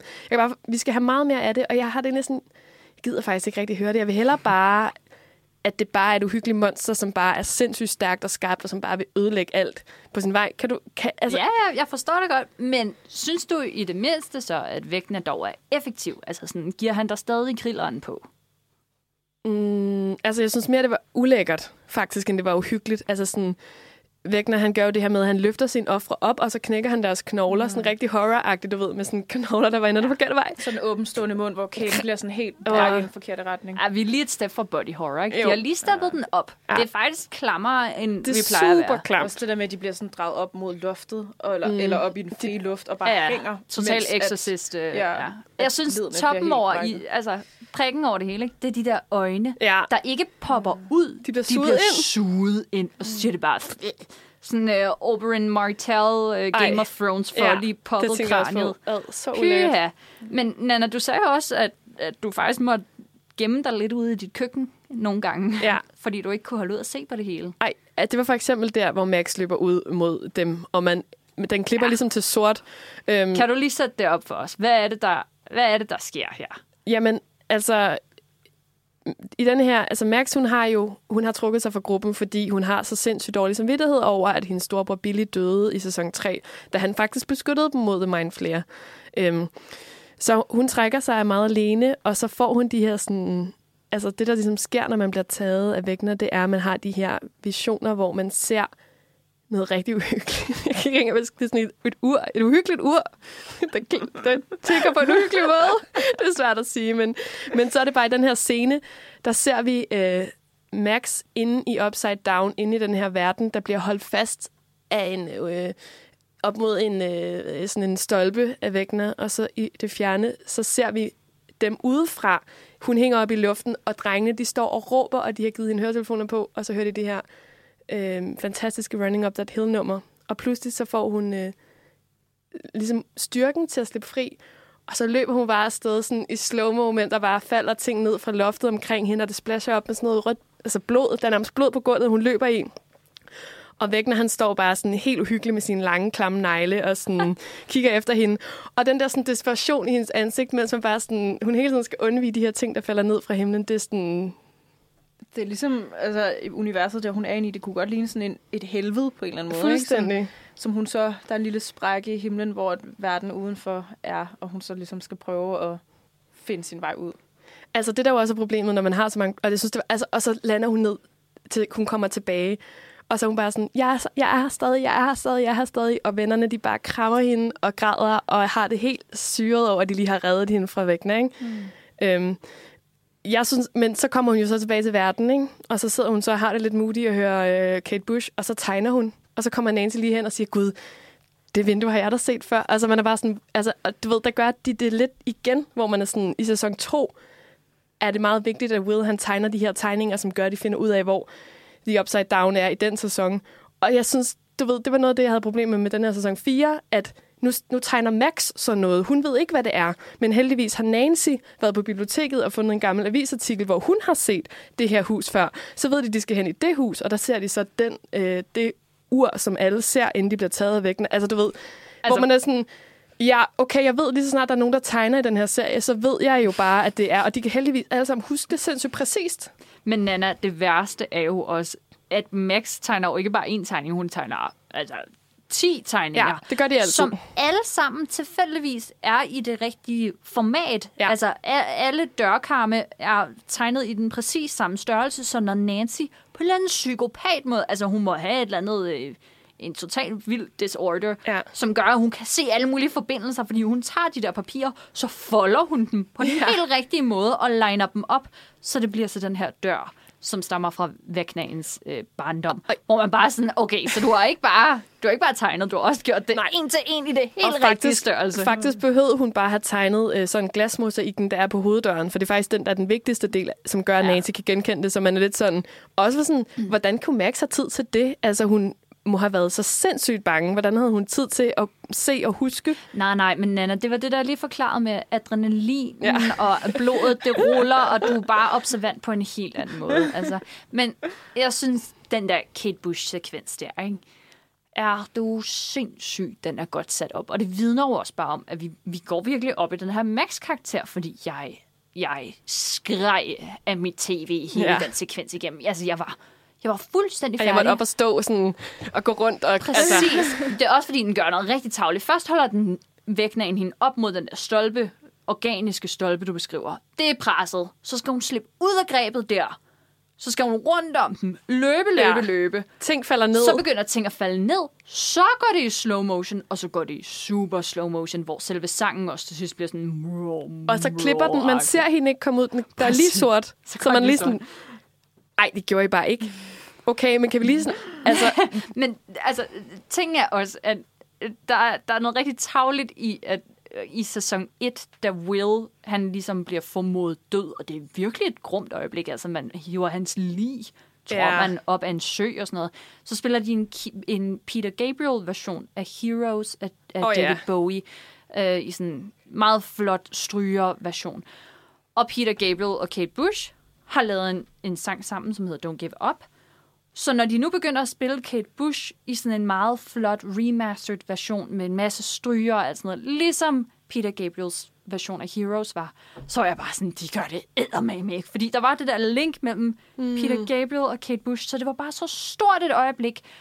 Og det ville også betyde, hvis Max nu døde, at der eddermame ville komme drive på. Ikke? Jo. For indtil videre har Wagner nakket folk, vi ikke kender, som vi ingen relation har til, som bare er tilfældige teenager, vi har mødt i den her sæson. Så vi har ikke rigtig nogen connection til dem. Vi er heldige, at det er så grumt, at du får lyst til at kigge væk, Nana, når han popper øjnene. Ja. Fordi hvis det ikke var det, altså hvilken fare udgør han så rent faktisk, fordi han, han kan ikke engang få ramt på en lille nej, altså, pige. der skal bare lidt Kate Bush til, så er man ellers Ja, der, der er noget galt der. Altså, der, der er noget galt i konsekvenserne, og, og der, er, der er måske også noget galt i, at Stranger Things nu er blevet så stort et, et kulturfænomen, at, at vi tør simpelthen ikke at gøre vores karakterer for træd. Altså, bare se, hvad der skete med Daenerys Targaryen, da Game of Thrones fuckede hende op i den sidste sæson. Ramaskrig. Så hvis du nu dræber Max, hvilket ville have været utroligt tilfredsstillende. Tænk et, et sådan ja. memorie, eller hvad så sådan en gravsten, det kunne være for hende, at hun har den smukkeste sekvens i Stranger Things historie. Det er slutningen på hendes karakter. Det er den perfekte ende på hende.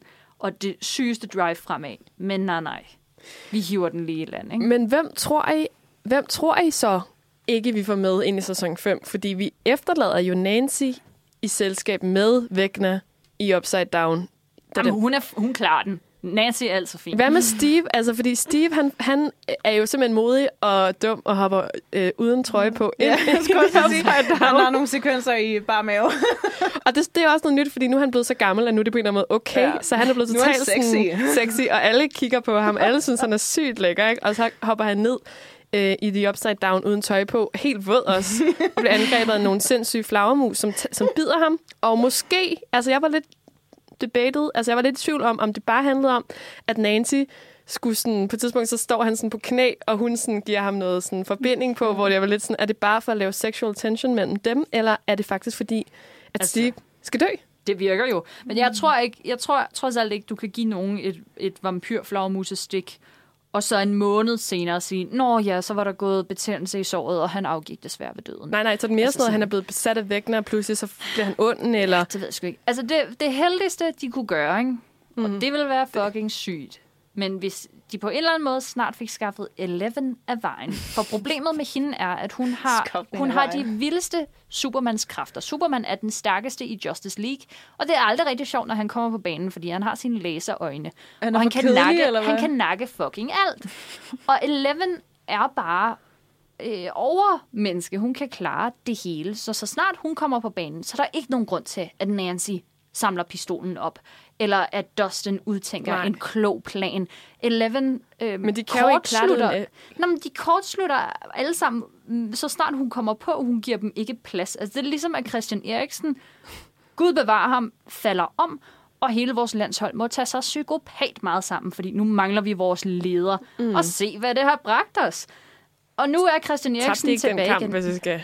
Jo, okay, men det var Finland. Det, var en, det, var, det er en sommer siden. Anna. Okay, jeg ved... Men der er bare noget smukt Ja. i, at vores stærkeste spiller er ude. Ja. Det kan vi godt lide, fordi det laver rod. Og det, det, ja. Jeg kan også godt skrive mig op på den på en eller anden måde, fordi jeg tror, personligt sidst jeg sådan virkelig var rørt af Eleven, var øh, i slutningen af sæson 2, hvor at hun sammen med Mike danser til Time After Time Ej. af Cindy Lauper. Det sidste, det sidste gang, jeg var virkelig sådan, åh, oh, oh, dejligt.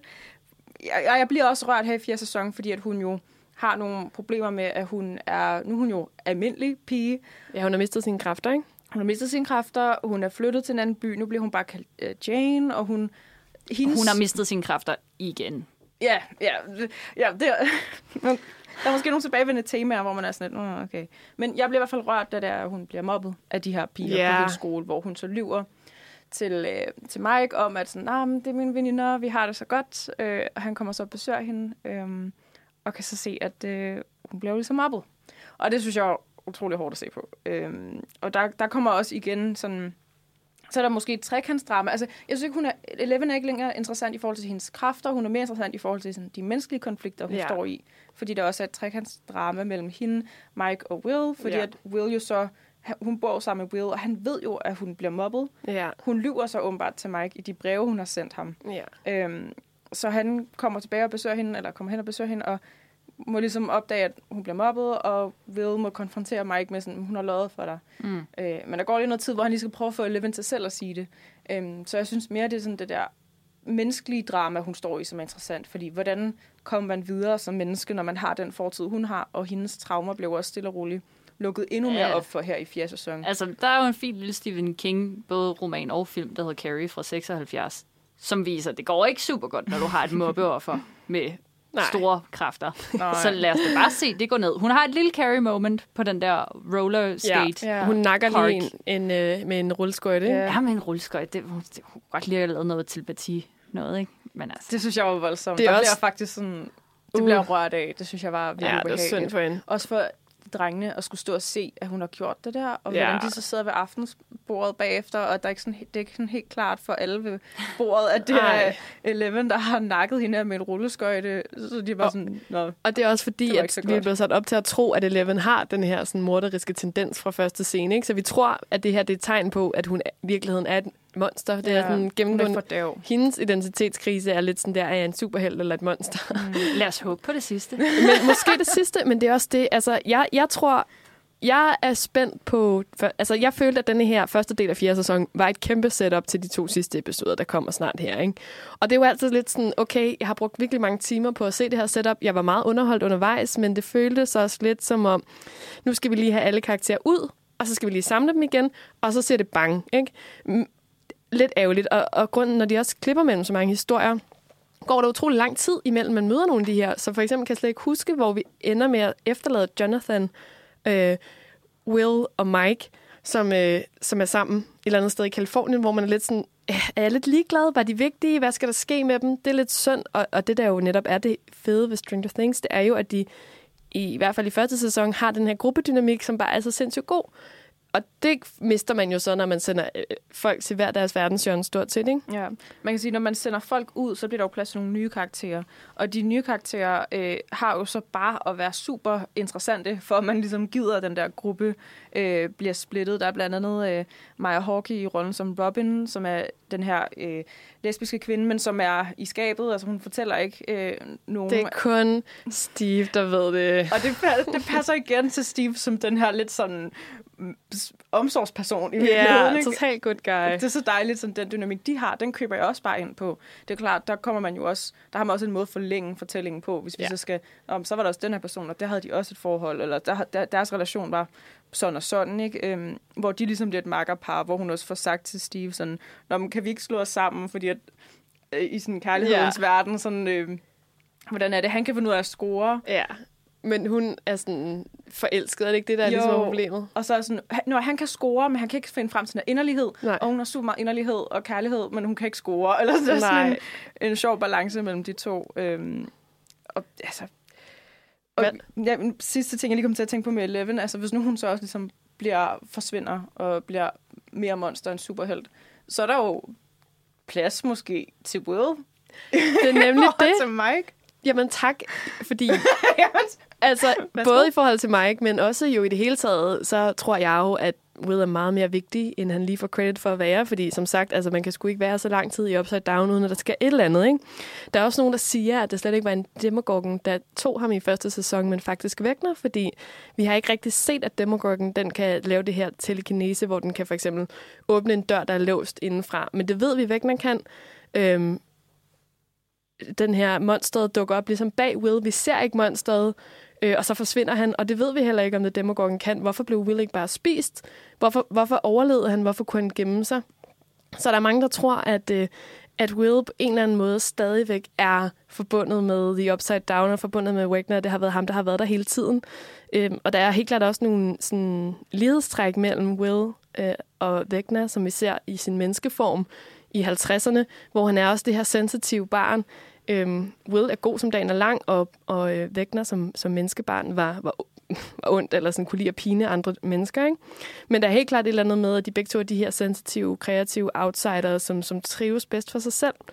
Øhm, og øh, vi, vi lærer jo også i fjerde sæson her, at, at The Upside Down har været frosset i tid, siden Will kom ind i den dag, hvor Will kommer ind i The Upside Down. Mm, mystisk. Og jeg tror, som jeg lige som jeg fik sagt i starten her, ikke, så kommer jeg lige til at tænke på, om grunden til, at The Demogorgon ligner den brik, som de spiller Dungeons and Dragons med, er det fordi, at det i virkeligheden er noget, der er skabt ud af Wills fantasi, i det han kommer ind i The Upside Down?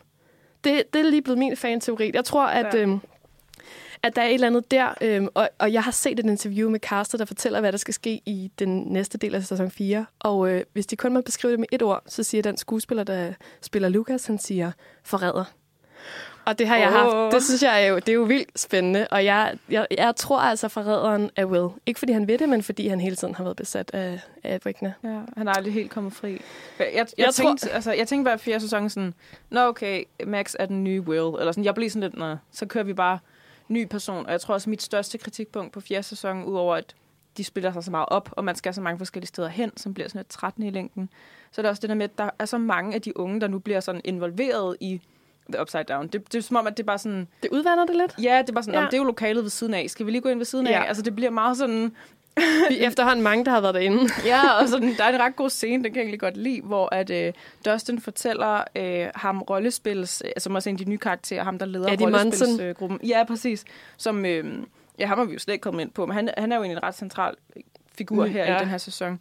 Øh, men hvor han siger til ham, noget af sådan, øh, Nå, du ved jo, at mange siger, at Hawkins er, øh, sådan, har en, øh, hvad hedder sådan forbandet? noget? Er forbandet, ja. Øh, det passer nok meget godt. Eller sådan, det, det skal du bare lige vide, det passer. Øh, og det synes jeg er sjovt sagt, men jeg, det synes samtidig også bare, at det sådan understreger sådan, okay, nu er der bare den her gruppe af børn, der kender til det her, og voksne, der kender til det, bliver bare større og større Ja. og større. Så det, det bliver også bare for hverdagsligt, at sådan, Nå, skal du med på klubben? Og sådan, jamen, så går vi jo ind til Upside Down, ikke? Sådan Der er nogen, der tror, at Eddie er 10. 10. Altså Eddie er en af de der, at Eddie selv er sådan et barn fra den der Hawkins Lab. Uh. Øh, og det er ham, der bliver den nye vigtige karakter. Hvilket er så så crazy, hvis de bare har spillet ham ud i sæson 4, og så bare været sådan, og for resten, den nye Eleven hedder Eddie, og her er han." Jeg ved det ikke. Ej, jeg tror, øh, jeg, jeg tror øh, der er noget med Will, og, øh, og jeg, selvom det er blevet lidt mærkeligt nu, og selvom det er lidt mærkeligt, så som jeg startede med at sige, så synes jeg, at selv når Stranger Things er ikke super skarpt eller mærkeligt, eller måske sådan lidt svagt plotmæssigt. Måske gennembruger de endda lige lidt for meget for de forrige sæsoner, og sender lidt for mange indforståede blikke til seeren. Så synes jeg stadig, at man er i sindssygt godt selskab med øh, de fire drenge fra Hawkins og alle de andre, der er kommet til det cast. Øhm, så derfor er jeg stadig sindssygt spændt på øh, sidste del af fjerde sæson. Der kommer ud her om lidt. Hvad med jer? Kan, her i slutningen, skal I se det? Selvfølgelig skal I se det. Karoline, Jo, men jeg skal nok gøre det, Nana. Men det er også, fordi jeg gerne vil være med i hulen, Mulle. selvfølgelig. Altså, jeg kan ikke... øh, Men det handler jo netop om at gå sin egen vej, ikke? Ja, men, men på den anden side, så har jeg sgu heller ikke så meget andet at se. Øh, og ja, jeg er da spændt på at, at finde ud af, øh, om de nu lige trækker sig sammen og, og lige kommer med en ordentlig rabalderslutning. Det tror jeg nok, du skal få. Det tror jeg også, jeg skal. Øh, men igen synes jeg bare godt, de lige må steppe den lidt op fra Vægner, der i virkeligheden bare en eller anden generaltype. Altså, jeg synes, vi skal tilbage til det shoppingcenter i slutningen af sæson 3, hvor det der kæmpe mindflayer-monster, det kommer på banen. Det, der kan jeg være down to fuck, men før end at vi, vi får nogle større tænder på banen, så er jeg altså øh, forholdsvis skeptisk, og jeg ved heller ikke, om jeg tuner ind 1. juli, hvor vi får slutningen på fjerde sæson. Men Ida, du glæder dig, fornemmer jeg. Det gør jeg, men, men jeg synes samtidig også, det er sjovt med tredje sæson, at jeg havde meget sådan ambivalent ved det, fordi jeg sådan, på en måde savner jeg en lille smule de her poolscener, og sådan, se, altså med, med, med Billy, og sådan scenerne fra øh, Storcenteret, som også bare er meget den her øh, øh, isbutik, øh, Ja, sådan hele det æstetik, som jo bare fuldstændig er fjernet nu, og det gør også mening, fordi det var måske mere bare sådan en æstetisk ting, altså Nå, nu skal vi lige have nogle nye sådan dejlige øh, øh, oaser, vi kan gå ind i, uh, pool, den lokale pool, og det drama, der er der, og de, altså, altså, her arbejder de jo i en VHS-butik, ikke? Det er Ja. ligesom det, altså, det nye sted. Ja, det nye, sådan, øh, ja. Jeg kan meget godt lide Stranger Things netop for de her små steder, man kan komme ind, og bare hvor æstetikken sådan ligesom flyder mm. ud over siderne. Det, det er meget det, der lokker mig til, fordi at, men det er nok, fordi jeg bare ikke har så store forventninger til de her monstre. Det er sådan, det rammer mig ikke lige så hårdt som øh, en lækker poolscene. Eller, altså, jeg, jeg er bare måske lidt lettere tilfredsstillet. Med Billy Så- the Bad Boy. ja, og sådan, så længe der er nogle karakterer, som har noget på spil internt, og så længe universet er rart at gå ind i, og der er en ny øh, Kate Bush-sang, jeg kan have i ørerne, efter jeg har set det hele sæsonen, så er jeg egentlig sådan godt tilfreds. Øhm, men jeg synes på en måde, at Stranger Things ikke er nødvendigvis stor kunst, men det er i hvert fald øh, noget, med, noget, der alligevel har et... Øh, et aftryk, har sat sig et aftryk, har en betydning, øh, og jeg er bare vild med altså, alt, alt, der har en lille smule af sådan coming of age i sig, er jeg ja. vildt begejstret for. Så jeg er nok bare rimelig godt solgt, også selvom jeg engang har set resten af fire sæsoner endnu. Så summa summarum er, at det altså ikke kun er 80'er-æstetikken, man kommer for. Der er også nogle gode kar- karakterer, og måske også en lidt federe skurk, man kan se det for. Det er alt, hvad vi når for øh, dagens program på filmmagasinet Nosferatu. Du kan finde vores anmeldelser på nosferatu.dk, og så udkommer der et podcast øh, en gang om ugen, så du kan lytte med næste gang også, hvor vi sender. Øhm, tak fordi du lød med nu, og øh, på gensyn. På genhør.